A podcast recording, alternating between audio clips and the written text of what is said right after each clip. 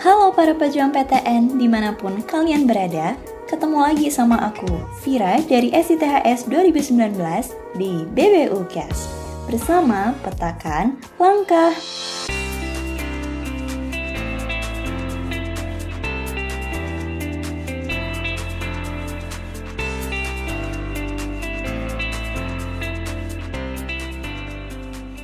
Gimana nih kabarnya teman-teman pejuang PTN? Masih pada semangat kan dalam berjuang meraih PTN impian? Nah, BBU Cash ini adalah salah satu dari banyak acara menarik lainnya yang dipersembahkan oleh Bulan Bakti Ubala ITB 2021 nih teman-teman. Teman-teman pasti pada tahu kan, kalau beberapa waktu yang lalu, BBU ITB sempat ngadain BBU Talk. Itu loh, talk show yang ngundang banyak pembicara keren dari perguruan tinggi dalam maupun perguruan tinggi luar negeri ini teman-teman. Wah, keren banget ya. Nah, buat teman-teman nih yang belum mendapatkan kesempatan hadir di BBU Talk kemarin, di BBU Cast ini teman-teman bisa banget mendengarkan talk show-nya sembari beraktivitas atau mungkin sambil ngambis buat belajar UTBK. Yuk, langsung aja kita simak talk show kali ini yang akan dipandu oleh Kak Fitra, FITB 19, dan diisi oleh Kak Dimas dari Manajemen Internasional Unila 2017. Halo Kak Dimas, gimana kabarnya Kak Dimas? Alhamdulillah baik. Gimana Fitra kabarnya? Alhamdulillah baik. Lampung hujan gak Kak Dimas? Lampung bentar lagi hujan nih kayaknya. Ini aku aku lagi di Bandung nih teman-teman dan kebetulan lagi gerimis-gerimis gitu kan. Jadi kayak ngobrol-ngobrol senja gitu enak banget nih. Apalagi bahas tentang masa depan anjay. Keren banget pokoknya. Nah mungkin Kak Dimas boleh banget nih Kak Dimas buat memperkenalkan diri terlebih dahulu. Biar teman-teman pada tahu semua nih. Silakan oh, Kak Dimas. Oke. Terima kasih Fitra. Uh, jadi uh, aku mau sedikit kenalin diri dulu. Nama aku Dimas Putra Azi, bisa dipanggil Dimas. Uh, aku merupakan mahasiswa semester 7 uh, manajemen program internasional di Universitas Lampung. Dan alhamdulillah kemarin dinobatkan menjadi mahasiswa berprestasi Universitas Lampung 2020. Oke, keren banget nih Kak Dimas. Nah, kalian udah pada nggak sabar nih ya, pengen cari tahu nih Kak Dimas tuh gimana sih. Nah, aku juga kayak gitu tuh. Nah, makanya aku udah nyiapin beberapa uh, profil. Di antaranya nih, kalian bisa lihat ada riwayat pendidikan dan prestasi. Juga masih ada yang lain. Nah, apa aja sih riwayat pendidikan dan prestasi yang udah ditoreh sama Kak Dimas? Kak Dimas ini SMP dan SMA-nya di Bandar Lampung nih, SMA 9 Bandar Lampung dan sekarang sedang menempuh pendidikan di S1 Finance Management International Program. Wow, keren banget nih. Bagi kalian yang suka bahasa Inggris nih, internasional di University of Lampung.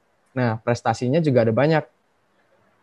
Di antaranya itu ada runner up of National Business Plan Competition by BEM University of Sriwijaya, ada juga Champion of Capital Market Essay Com by IDX Lampung, dan Champion of National Essay Competition by ISEC Universitas Erlangga. Keren banget nih. Lanjut dong, lanjut aku masih penasaran. Wow, ternyata ada juga pengalaman kerja dan pengalaman organisasi. Ternyata uh, Kak Dimas nih benar-benar aktif banget ya. Makanya uh, tema kita kali ini tuh finding life balance in college. Nah, kita nggak bakal salah dong tentunya dalam memilih bicara. Nah, pengalaman kerjanya di antaranya ada SDG Center Lampung dan juga Research Assistant Vice Dean of Academics and Research FEB Unila. Lanjut di organisasi, ada Short Course Aoyama Gaokuin University Japan, dan juga Head of Research and Education KSPM atau kelompok studi pasar modal FEB University of Lampung, dan yang terakhir ada Member of Technical Division Capital Market ISP Lampung. Keren banget nih pokoknya Kak Dimas.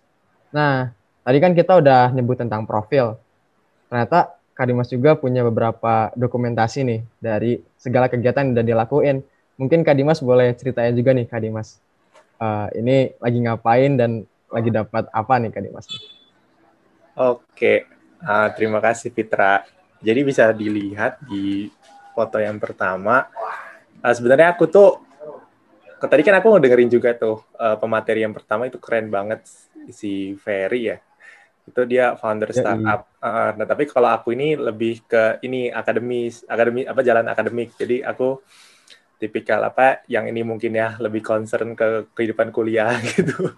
Jadi ini ba bagus banget nih ITB ngadain uh, seminar yang punya berbagai perspektif gitu. Nah ini di foto yang pertama itu aku jadi uh, Mas Mapres 2020 di Universitas Lampung.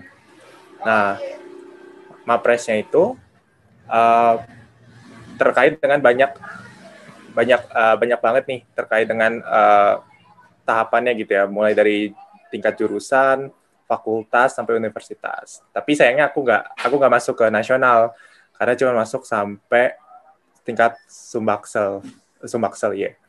Nah, terus kalau yang foto sebelahnya itu alhamdulillah aku jadi champion, second uh, runner up sama third runner up di National Essay Competition, National Research Paper by OJK gitu.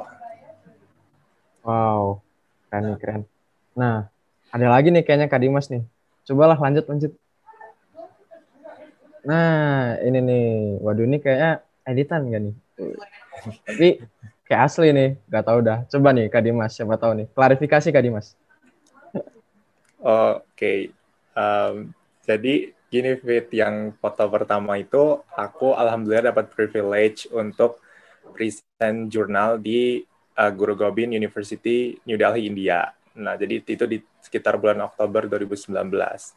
Kenapa sih milih India? Karena sebenarnya challenging aja gitu. Kan kayak banyak orang yang mikir India negara berkembang dan kayaknya mirip gitu kan.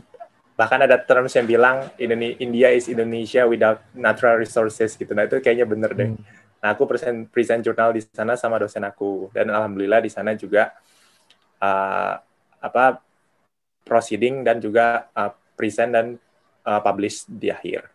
Nah itu bulan um, September atau Oktober 2019. Nah kalau di sebelahnya itu aku dapat privilege lagi untuk uh, short course di Aoyama Gakuin University. Nah, di, di sana itu uh, itu salah satu uh, universitas private di Jepang.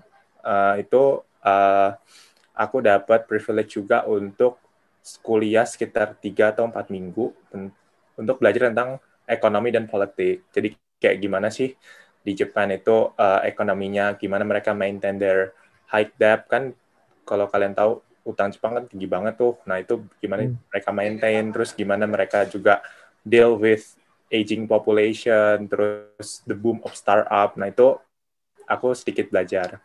Dan selanjutnya juga aku um, di belajar juga terkait dinamika politik di Jepang, gimana mereka bisa uh, meng, uh, terkait dengan kebijakan Abenomics dan juga gimana cara mereka run with the uh, government system. Nah, itu uh, alhamdulillah aku belajar. Itu di bulan Desember. Jadi 2019 lumayan hektik. Uh, September, Oktober, November, Desember itu banyak lomba dan banyak short course. Oke. Eh, Kak Dimas nih, katanya kan India mirip Indonesia nih. Tapi aku ngeliat India nih yang bagusnya aja nih, ada Taj Mahalnya. Tapi sebenarnya di India tuh kayak banyak gak sih kayak di ibu kotanya kayak Jakarta kan ada bagian buruknya gitu kan ya kayak banyak pencemarannya lah. Mungkin Kadimas waktu ke New Delhi sempat lihat gak Kadimas yang kayak gitu kayak gitu ya tuh? Nah kebetulan tuh, iya, ini menarik nih Fit. Hmm. Sebenarnya kalau dari apa ya? Kalau dari sisi, hmm, let's say lingkungannya gitu, kita mungkin kalau Jakarta it's better than New Delhi gitu ya. Dari misalkan dari sistem sanitasinya atau uh, kayak uh, kondisi lalu lintasnya dan semacamnya. Tapi kalau di Delhi itu uh, mungkin karena culture juga ya kita nggak bisa chat itu baik atau buruk sih ya. Jadi culture mereka itu cenderung orang yang gak sabaran gitu. Tapi ada sih yang yang yang baik dari India itu adalah awareness-nya, awareness dari pihak-pihak uh, stakeholder, terutama kayak misalkan supermarket atau pemerintahnya. Jadi kalau di India itu semua super supermarket udah nggak boleh using plastic bag. Jadi kita nggak boleh, misalnya kita ke supermarket sana, kita nggak nggak nggak bisa pakai plastik, plastik biasa gitu yang apa mengganggu lingkungan. Jadi kita harus bawa paper plastik atau kita bawa uh, kayak tas gitu dari rumah. Nah itu salah satu agenda pemerintah mereka juga untuk mengurangi uh, penggunaan plastik ya, yang uh, apa namanya, yang sulit banget untuk di uh, bahasanya itu di, di dijelaskan gitu dalam artian mereka nggak bisa didegradasi mungkin dalam 10 atau 50 tahun lagi tapi menurut aku itu sih yang bisa aku ambil terkait awareness mereka untuk saving the environment by banning the plastic bag. Oke, keren ya. Mungkin mereka udah lebih sadar dan udah lebih ya apa ya buat penggunaan plastik itu udah lebih diminimalisir lah daripada Indonesia ya. Walaupun Indonesia juga tentunya udah udah banyak lah usaha-usaha dilakuin buat meminimalisir. Nah, kita lanjut lagi nih teman-teman. Apa nih selanjutnya? Selanjutnya adalah sharing session. Jadi buat teman-teman yang udah dari tadi nungguin nih, pengen tahu lah Kak Dimas nih udah punya pengalaman apa aja sih atau Kak Dimas nih gimana sih perjuangan dan perjalanannya. Nah, sekutlah kita ngobrol-ngobrol. BTW, karena hujannya cukup deras, jadi aku mohon maaf ya kalau ada suara ya back sound-nya gitu, kayak lovey-lovey gitu lah, santai. Oke nih, Kak Dimas nih mungkin pertanyaan-pertanyaan itu udah, mungkin Kak Dimas sudah pernah dengar lah, cuman nggak apa-apa, karena setiap pertanyaan itu terkadang kita bisa beda gitu kan cara jawabnya dan punya pemikiran berbeda gitu. Nah, dulu kan Kak Dimas sekolah di SMA 9 dan sekarang udah udah tingkat terakhir ya di Unila. Sebenarnya apa sih Kak Dimas yang Kak Dimas rasain gitu? Bedanya dulu Kak Dimas waktu menjalani kehidupan SMA dengan sekarang kehidupan kuliah yang mungkin Kak Dimas rasa jauh berbeda gitu. Mungkin bisa juga ditinjau dari beberapa sisi yang uh, bisa Kak Dimas uh, pikirkan itu, bisa Kak Dimas tinjau. Silakan Kak Dimas. Oke, terima kasih Fitra. Nah, jadi uh, ada sebenarnya beberapa perbedaan uh, yang mendasar terkait kehidupan SMA dan kuliah. Kalau aku buat percentage uh, antara siswa dan pengajar nih ya. Kalau misalkan SMA, kalau eh oke okay lah dari SMP nih. Kalau SMP itu mungkin tanggung jawab antara siswa dan pengajarnya itu 75% pengajar, 25% siswa. Tapi kalau SMA mungkin sudah 50%, 50% gitu ya, antara siswa dan pengajar. Tapi kalau kuliah, itu literally si, uh, mahasiswa atau mahasiswinya itu punya tanggung jawab sekitar 100% dan dosen itu oh, hanya 20%. Sih. Gitu. Ya, Maksudnya apa, Kak? Jadi kalau di kuliah itu kita diberikan kebebasan gitu. Baik kebebasan berpikir, kebebasan menentukan passion, kebebasan menentukan arah hidup kita. Nah, itu ditentukan di kuliah gitu. Jadi kalau kalian lihat nih selain pemikiran, misalkan kalau kuliah kalau kita rambutnya gondrong nggak bakal dimarahin guru kan gitu. Kalau misalkan atau do, do, dosen gitu. Atau misalkan kalau kita memakai kaos itu it's fine aja kan. Nah, jadi itu salah satu bentuk yang mendasar sih terkait form of kebebasan atau freedom yang kita dapatkan di kuliah. Nah tapi kebebasan atau uh, keleluasan kita ini bisa bernilai positif atau negatif. Contohnya nih kalau misalkan kalian lihat uh, kebanyakan ada loh teman-teman kalian yang SMA-nya itu aktif tapi kuliahnya itu dia cenderung non aktif itu bisa didatangkan oleh dari beberapa hal gitu. Misalkan mereka tidak bisa menemukan uh, circle atau mereka tertekan gitu. Itu bisa banget. Tapi menurut aku banyak banget cara yang bisa diterapkan ketika kita masuk ke dunia perkuliahan gitu. Apalagi kita pertama misalkan kalian nih aku lihat partisipannya kebanyakan uh, dari anak-anak SMA kan yang blind sama dunia perkuliahan gitu. Tapi menurut aku selagi kalian itu sudah punya passion atau kalian itu orangnya apa ya cenderung gas aja nggak ada alasan gitu itu banyak banget peluang yang bisa kalian dapatkan di kuliah. Contoh kalau tadi dia di pemateri satu itu Kaveri kan itu keren banget kan dia bisa jadi CEO uh, eh, potensi up uh, terus juga uh, dia punya passion di startup atau entrepreneur. Maksud aku itu salah satu contoh bentuk kebebasan atau keluasan yang bisa dia manfaatkan di kuliah gitu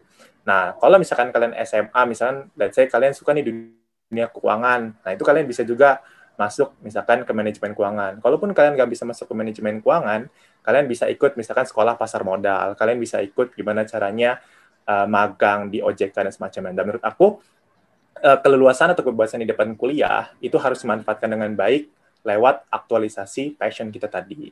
Gitu, Fair. Oke, okay, mantap banget. Jadi ya aku setuju sih. Aku ngerasain banget. Apalagi kalau uh, mahasiswa-mahasiswa yang merantau tuh lebih kerasa banget sih. Gimana tanggung jawabnya untuk menjaga diri sendiri lah. Terus juga bisa bisa bebas banget. Kamu kamu mau main aja sebenarnya nggak nggak usah belajar, nggak usah ngikut kuliah tuh nggak apa-apa sebenarnya. Jadi ya itu memang up to you lah. Dan udah ngerasain gimana pernah gondrong banget gitu di apa di kuliah dan SMA belum pernah nyobain gitu. Mungkin Kak Dimas pernah gondrong gak Kak Dimas? Pernah sih, tapi udah kena marah orang tua gitu. Oh, iya mungkin kalau di rumah masih lah, masih ada yang ngawasin ya. Kalau kita merantau tuh benar-benar, ah ya udah basing-basing dah. Oke, mantap banget nih Kak Dimas nih. Lanjut nih Kak Dimas nih, aku penasaran nih. Kak Dimas nih kan international program nih di finance management nih di Unila. Dan aku juga mungkin kayak di manajemen, kakak aku kan di manajemen kan dulu, jadi kayak udah akrab lah. Jadi oh udah sering dia ngomong kayak oh itu international manajemen gitu. Jadi udah udah sering dengar. Tapi aku sebenarnya masih bingung sih kak. Uh, kenapa sih kakak nih pengen masuk ke manajemen dan program internasional lah gitu kak? Apa sih yang melatar belakangnya kak? Motivasinya nih. Nah, uh, terima kasih Fitra. Jadi uh, sebenarnya ini ada cerita lucu nih terkait. Wah, apa tuh gimana tuh? Uh, kenapa sih aku bisa akhirnya end up in apa manajemen Unila gitu. Sebenarnya gini deh, kalau kita mikir gitu, semua orang kan punya mimpi uh, setinggi-tingginya atau seoptimal mungkin kan. Let's say kayak mungkin eh, anak-anak di SMA Bandar Lampung maupun di non Bandar Lampung itu punya uh, mimpi untuk pergi ke UGM, UI, IPB gitu, which is uh, universitas yang uh, prestigious gitu, yang punya banyak akses. Nah, tapi Nah, sebenarnya aku tujuan awalnya itu ke sana. Aku pertama itu pengen ke UI uh, eh, ilmu ekonomi cuman ya itu kembali lagi mungkin takdir ya. Maksudnya uh, udah berusaha optimal juga di SNM SBM tapi akhirnya aku end up di manajemen. Tapi masih relate juga sama ekonomi gitu karena dari SMA aku udah passionate banget tentang ekonomi gitu.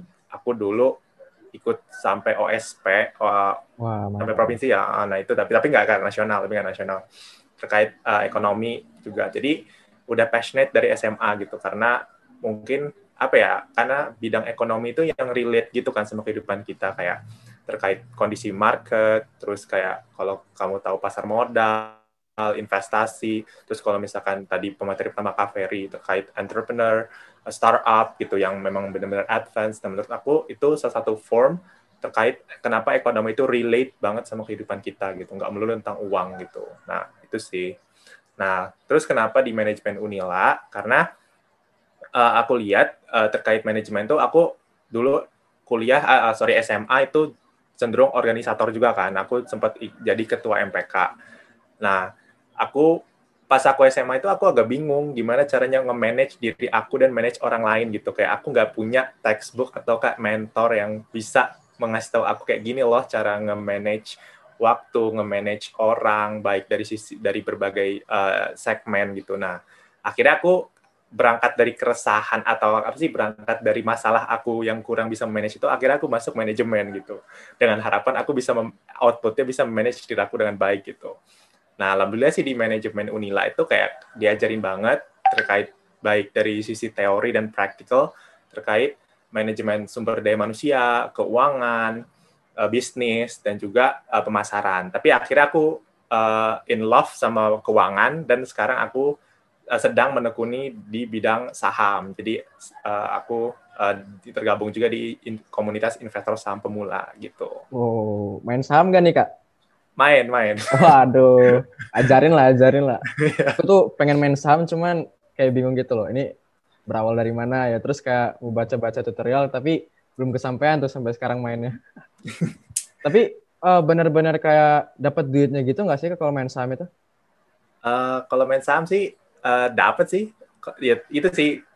Kan beda ya mindset investasi sama mindset uh, apa sih penghasilan tetap gitu. Dalam artian kalau investasi kan mindsetnya jangka panjang mungkin. Jadi kalau misalkan di manajemen itu keuangan nih kamu diajarin misalkan kayak gimana cara ngitung uh, present value, ngitung future value, ngitung compound interest gitu. Jadi kayak kamu bisa ngekalkulate uang kamu di 2020 sekian, nanti kalau kamu masukin ke pos-pos investasi itu akan naik berapa persen, akan akan bertambah berapa uh, jumlah gitu. Jadi uh, itu sih yang aku salah satu ilmu praktikal yang aku dapat dari kuliah gitu oh, terkait manajemen. Okay, okay bisa langsung diterapin lah ya. Yeah. Sekarang kan lagi zaman banget nih main-main saham kan. Oke, lanjut nih Kak. Kita ke akademik nih sekarang nih. Kan nih UKK nih keren banget kan. Jadi mapres, mahasiswa berprestasi kan. Itu impian banget sih buat aku. Jadi kayak wow, keren banget. Aku pengen mencontoh nih, uh, panutan.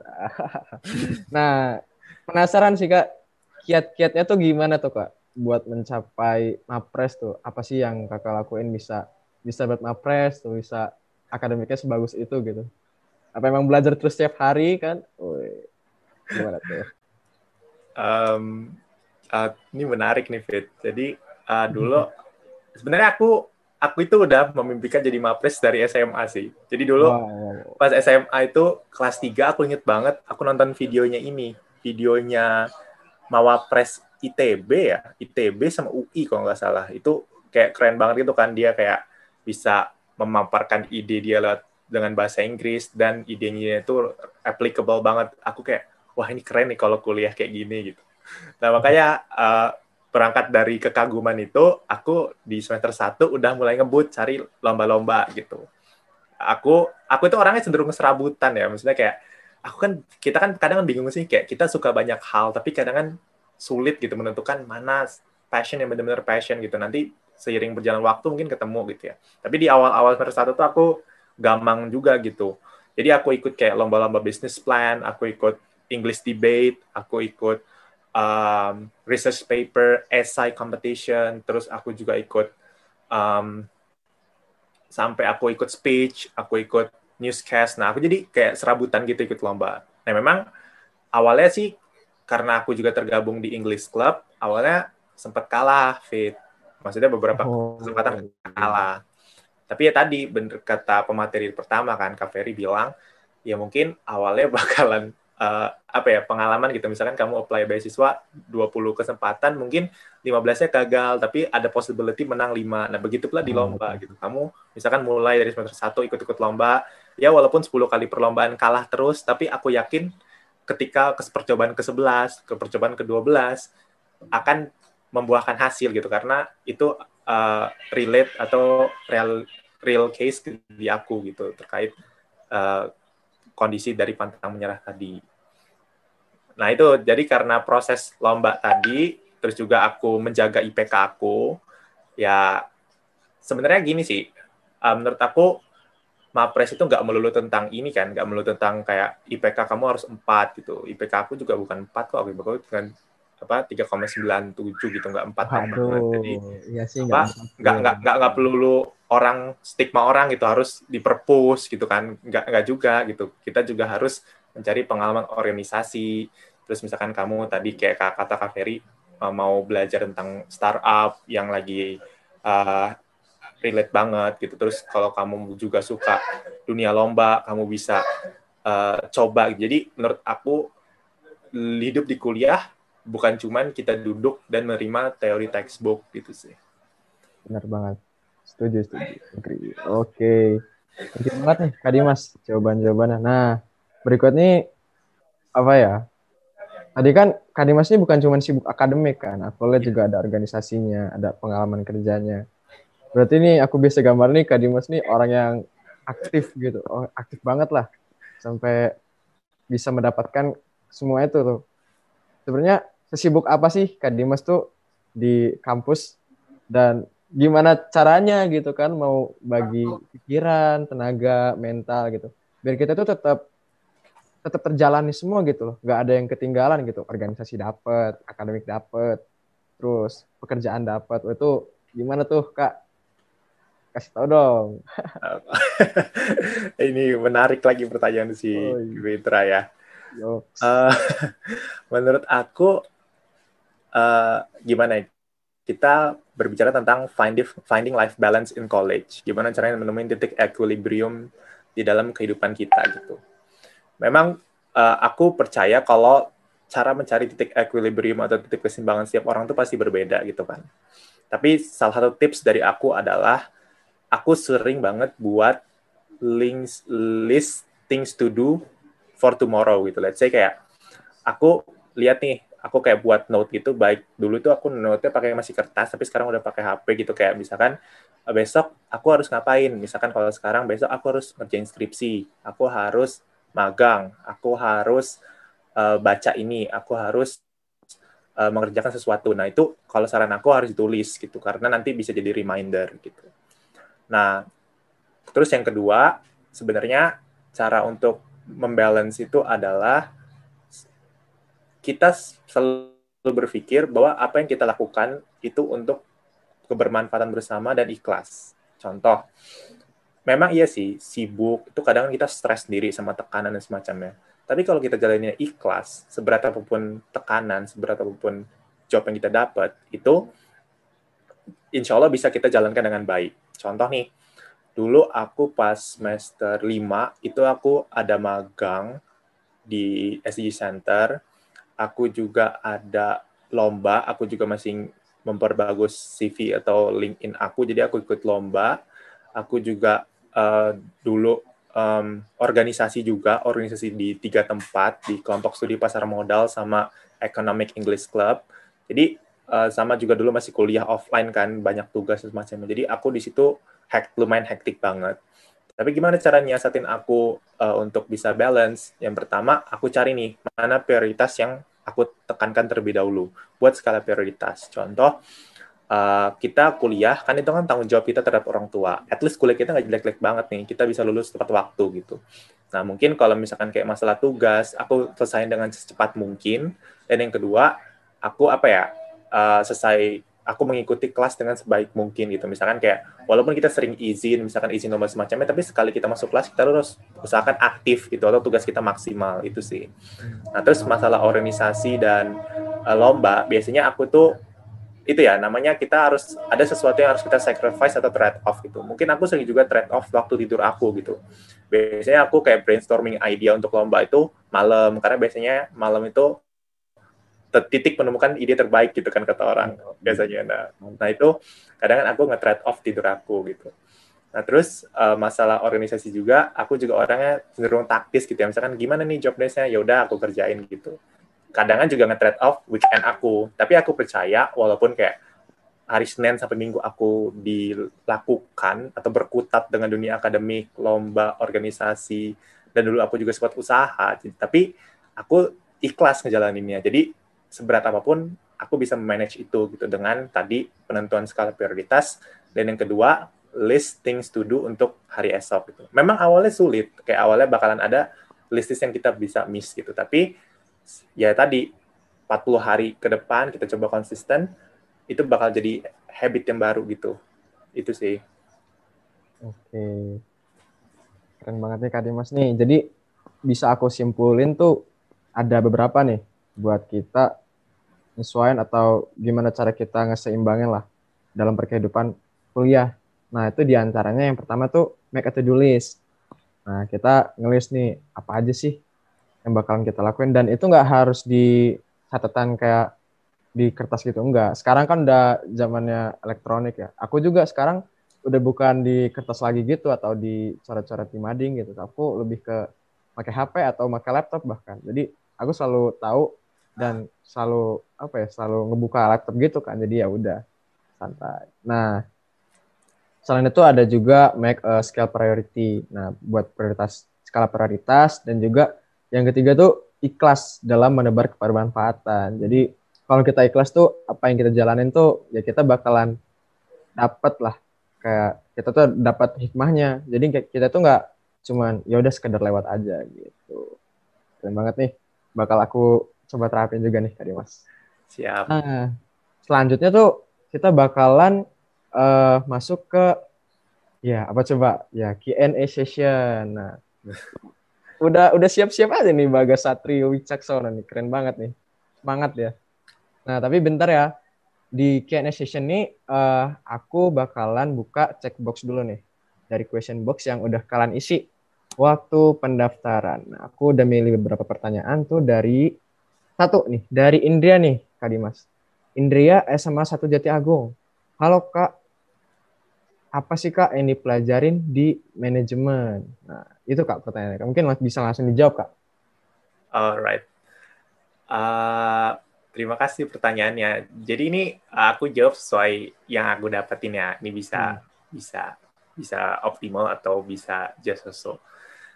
Sebenarnya manajemen itu kan seni ya, seni untuk mengatur, memanage, menyeimbangkan suatu kelompok atau organisasi gitu ya dalam mencapai tujuannya gitu. Jadi gimana caranya kita memanage suatu misalkan let's say organisasi untuk mencapai visi dan misinya gitu. Nah, di dalam organisasi itu tentunya banyak banget disiplin ilmunya gitu. Contoh, kalau di manajemen itu kita belajar gimana caranya memasarkan suatu produk. Nah, itu masuknya ke ranah manajemen pemasaran gitu.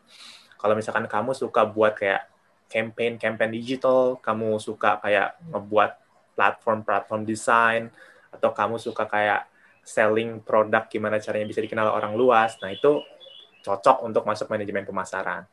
Dan yang kedua di manajemen juga ada misalkan manajemen keuangan. Nah ini kalau kamu hmm. misalkan oh, suka akuntansi nih dari dari dari SMA gitu, akan kamu suka pembukuan, terus juga kamu suka terkait dunia-dunia finance kayak misalkan nilai-nilai uang, instrumen investasi kayak saham, obligasi. Nah ini sabi banget buat di manajemen keuangan gitu karena di satu organisasi kan pasti ada sih uh, sisi atau uh, segmen yang harus ngurusin tentang gimana caranya make a planning budget, gimana caranya buat pendanaan itu terjaga dengan baik, nah gitu.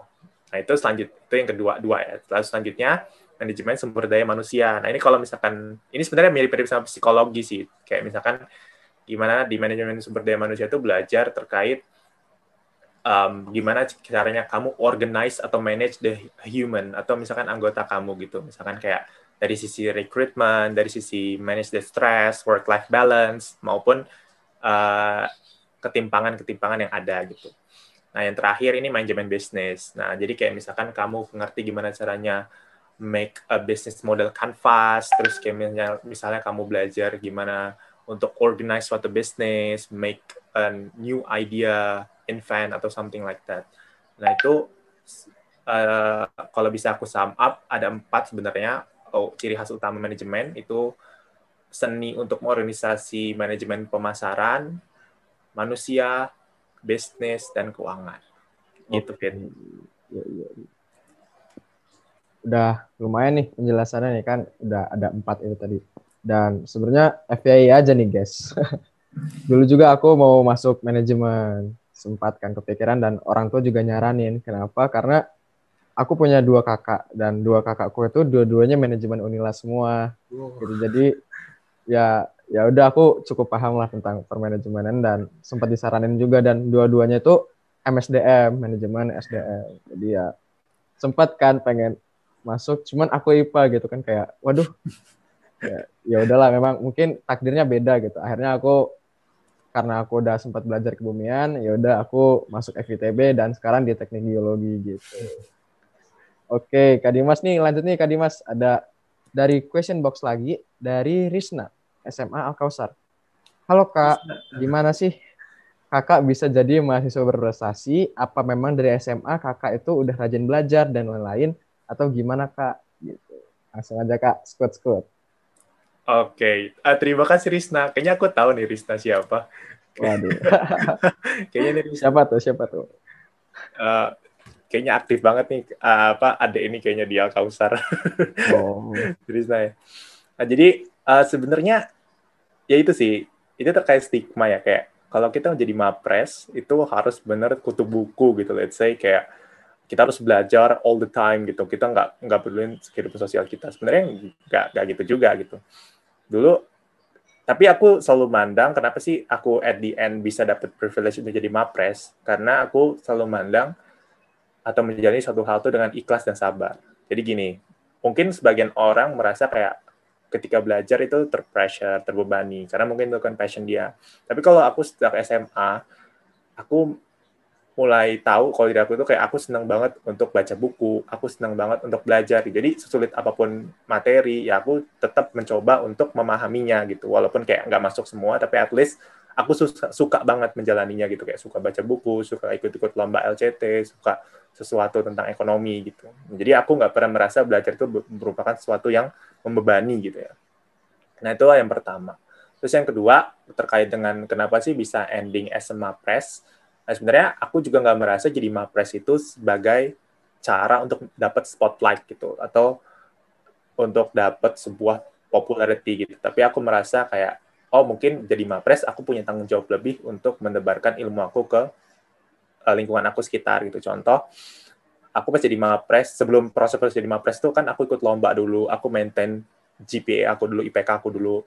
Nah itu aku nggak pernah pelit, aku selalu ikhlas untuk ngajarin ke sesama gitu. Ya walaupun kayak ada satu dua imposter, satu dua yang toxic, tapi aku merasa kayak, aduh, aduh.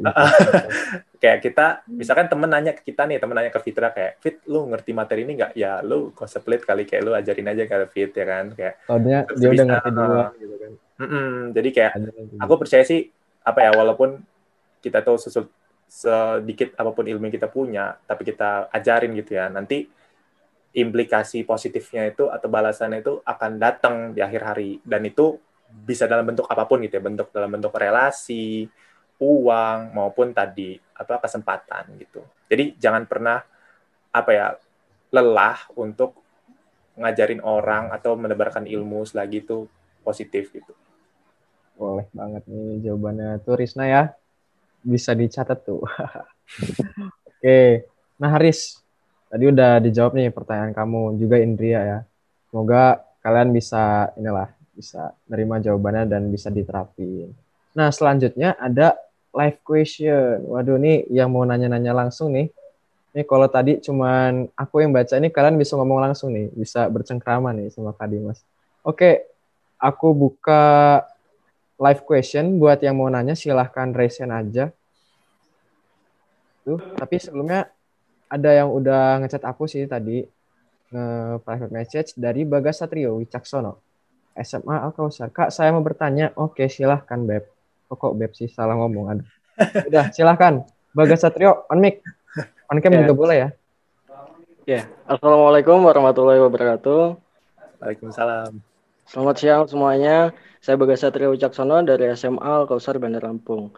Nah di sini saya mau tanya nih kak ke Kak Dimas prospek untuk uh, mahasiswa di jurusan manajemen itu apa dan ya mungkin kayak konsultan atau hmm. mau jadi entrepreneur dan lain-lain dan tadi kan ngebahas sedikit tentang investasi saham atau reksadana lah. Nah, uh, itu kakak main investasi reksadana atau saham itu untuk memaknai secara harfiah untuk uh, mencapai tujuan atau untuk bisnis juga kak. Walaupun portofolio sekarang merah semua ya kak. Iya. dua persen. Nah itu kak pertanyaannya. Terima kasih. Wassalamualaikum warahmatullahi wabarakatuh. Waalaikumsalam. Mungkin bisa langsung dijawab kak Dimas nih. Terima kasih. Pertanyaannya uh, keren banget ya. Untuk SMA nanyanya uh, menurut aku keren sih. Nah jadi aku coba jawab berdasarkan uh, pengalaman aku aja ya, yang aku tahu gitu. Jadi prospek manajemen itu sebenarnya banyak banget dan bersifatnya holistik banget. Contoh, misalkan uh, kamu bisa, bener kata kamu tadi, misalkan kamu suka terkait dengan bisnis gitu, kamu bisa jadi konsultan gitu. Ada juga tuh teman kakak, dia bisa jadi bisnis consultant di salah satu uh, apa sih namanya kayak firma bisnis gitu ya di di Jakarta, di Jawa gitu. Saudara kakak juga ada yang jadi bisnis consultant gitu. Nah, kalau itu kalau, kalau kamu tertarik dengan dunia yang bersifat uh, apa ya di bidang bisnis gitu. Terus juga kalau misalkan kamu tadi misalkan kayak mungkin kakaknya Fitra ada yang manajemen MSDM. Ya the future dia bisa jadi kayak ini manajemen apa HRD ya, Human Resource yeah. Development ya. Uh, jadi kayak dia bakalan memanage gimana caranya sistem rekrutmen, sistem uh, kompensasi, terus juga uh, pelatihan, training dan semacamnya. Nah itu kalau kamu passionate di, di, di bidang uh, eh, MSDM. Nah kebetulan kakak itu keuangan. Nah di keuangan ini uh, cukup challenging, tapi prospeknya lumayan bagus. Nah kebetulan di keuangan itu kan kita kan belajar gimana caranya terkait dengan konsep uang gitu kan konsep investasi present value, future value, compound interest, NPV, dan semacamnya. Nah, prospeknya banyak banget. Misalkan kayak kamu mau jadi investment analysis, atau misalkan kamu mau jadi broker, atau misalkan kamu mau jadi uh, sekarang itu kayak yang lagi hits itu kayak kamu edukasi saham di TikTok gitu kayak kamu kalau tahu Timothy Ronald gitu. Nah, nah itu itu itu terbuka banget kesempatannya gitu dan di keuangan itu ada berbagai macam sertifikasi. Nah kebetulan kakak dapat udah ngurus kayak sertifikasi dari Teach Me gitu terkait dengan wakil perantara perdagangan efek, terus nanti naik lagi menjadi waiver dan juga bisa naik wakil manajer investasi. Nanti outputnya kamu bisa berkarir di OJK, di pasar apa IDX, apa pasar modal, apa bursa efek Indonesia, terus juga bisa berkarir di Teach Me. Jadi banyak banget sebenarnya kesempatannya gitu. Kalau kamu interest sama dunia keuangan gitu. Tapi uh, kalau terkait tadi motif utama investasi sebenarnya aku itu pengen banget berkarir di bidang keuangan itu, ya entah jadi uh, research analysis atau investment analysis di IDX atau aku mau uh, kerja di OJK tapi kayaknya aku in love sama dunia keuangan gitu kayak aku merasa ya kan keuangan itu relate banget ya misalkan kayak kamu 50 juta uh, kamu dapat uang 5 juta per bulan gimana caranya kamu manage 50% untuk konsumsi, 20% untuk pos investasi, 50% untuk pos uh, dana darurat gitu. Menurut aku uh, itu konsep-konsep yang harus kita punya ketika kita kuliah dan aku dapatkan di dunia keuangan. Jadi kalau masalah prospek nggak uh, perlu takut karena semakin juga berkembang zaman, semakin banyak profesi-profesi uh, yang relate dengan dunia ekonomi terutama manajemen. Gitu sih. Oke. Udah terjawab belum? Nih, Bagas. Bertanggapan nggak? Iya, udah udah terjawab, Kak. Terima kasih Oke. banyak. Thank you juga, Bagas. Gimana gimana teman-teman ada yang mau ya, nanya lagi nggak dari peserta talk show kali ini? Oke, kayak lima empat tiga dua satu nggak ada. Yaudah aku aja deh yang nanya kalau gitu. Gimana Fit? Aku ini sih gak penasaran aja sih. Kan kakak nih bentar lagi nih kan lulus kan 2017 tingkat empat. Biasanya kan kalau di manajemen tuh rada cepet kan bisa ada yang tiga setengah tahun.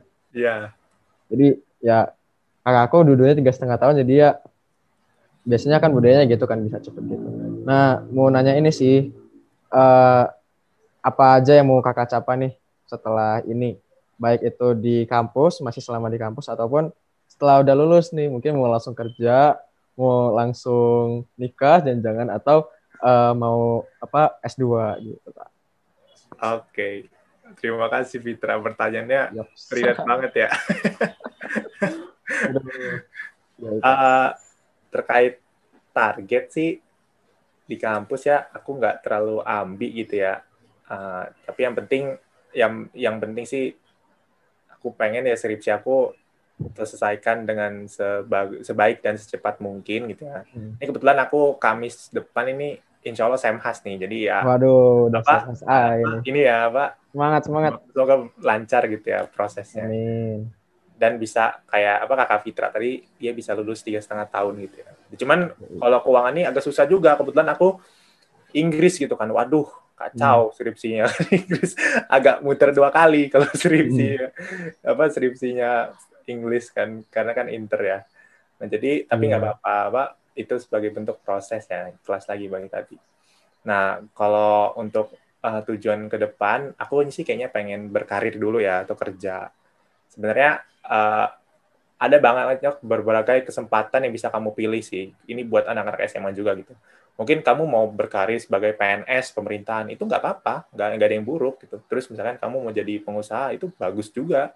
Kamu mau jadi kamu mau jadi apa sih namanya uh, youtuber juga gak apa-apa. Karena yang penting apa ya itu kan kita kita tuh hidup kayak ekosistem gitu kan. Kayak kalau semua jadi pengusaha siapa jadi pegawai? Kalau semua jadi pegawai siapa jadi pengusaha gitu. Jadi ya semua cita-cita itu nggak ada masalah gitu. Tergantung kitanya nah terkait kalau cita-cita aku ya aku pengen banget jadi kayak investment analysis di IDX itu tapi dengan untuk menjadi itu ya aku harus mempersiapkan gitu kan kayak mungkin dari sertifikasi dari ilmu-ilmu keuangan yang aku dapat gitu dan aku juga mencoba untuk applicable. Aku juga udah mencoba mulai belajar investasi di saham, reksadana. Kalau di saham aku punya sekuritasnya kalau kalian punya pasti kayak iPod ya.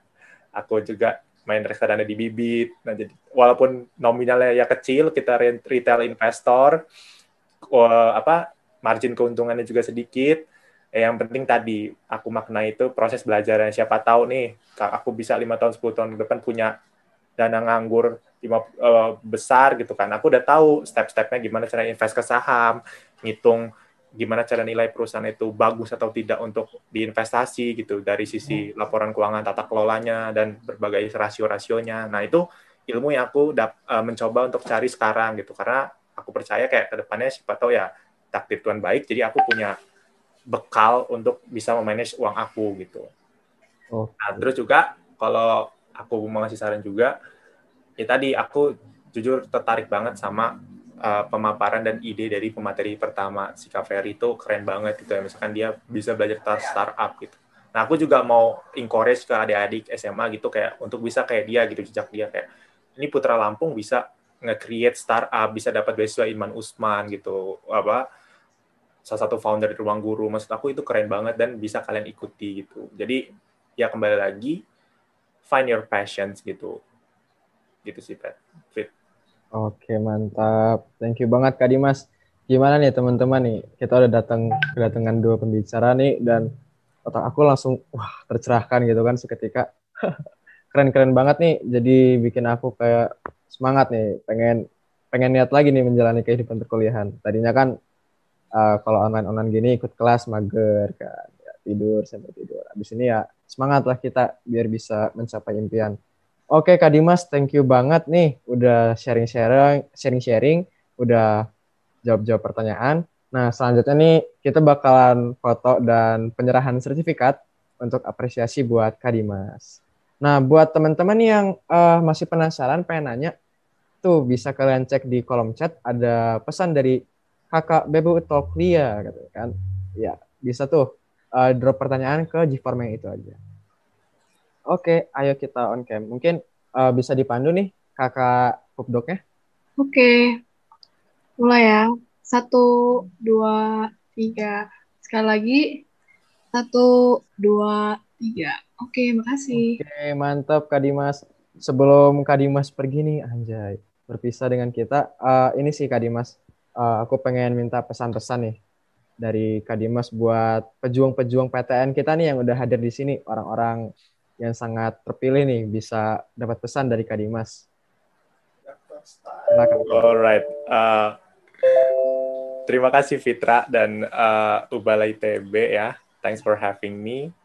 Aku sebenarnya bukan motivator, tapi aku suka dengan quotes ini nih. There is no success without struggle gitu. Kayak nggak ada sukses tanpa adanya proses perjuangan gitu. Jadi kayak kalau sekarang nih anak SMA lagi pusing belajar soal, ngabisin buku terkait SBMPTN, dan juga ujian mandiri lainnya, jalanin aja gitu. Prosesnya jalanin aja ikhlas. Nanti masalah takdir kita mau ditempatkan di mana, misalnya tidak diterima di pilihan keberapa, itu urusan semesta gitu.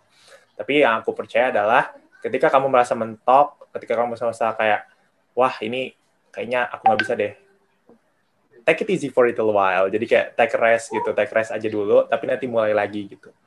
Karena tadi baliknya, uh, emas akan tetap emas di mana pun. Dan juga yang kedua uh, kalau mau capai suatu uh, puncak gitu itu prosesnya butuh ditelaah atau butuh dijalankan dengan maksimum dan juga lewat kekuatan doa maupun tadi uh, usaha-usaha kita gitu. Jadi jangan ragukan proses gitu jalanin aja. Gitu sih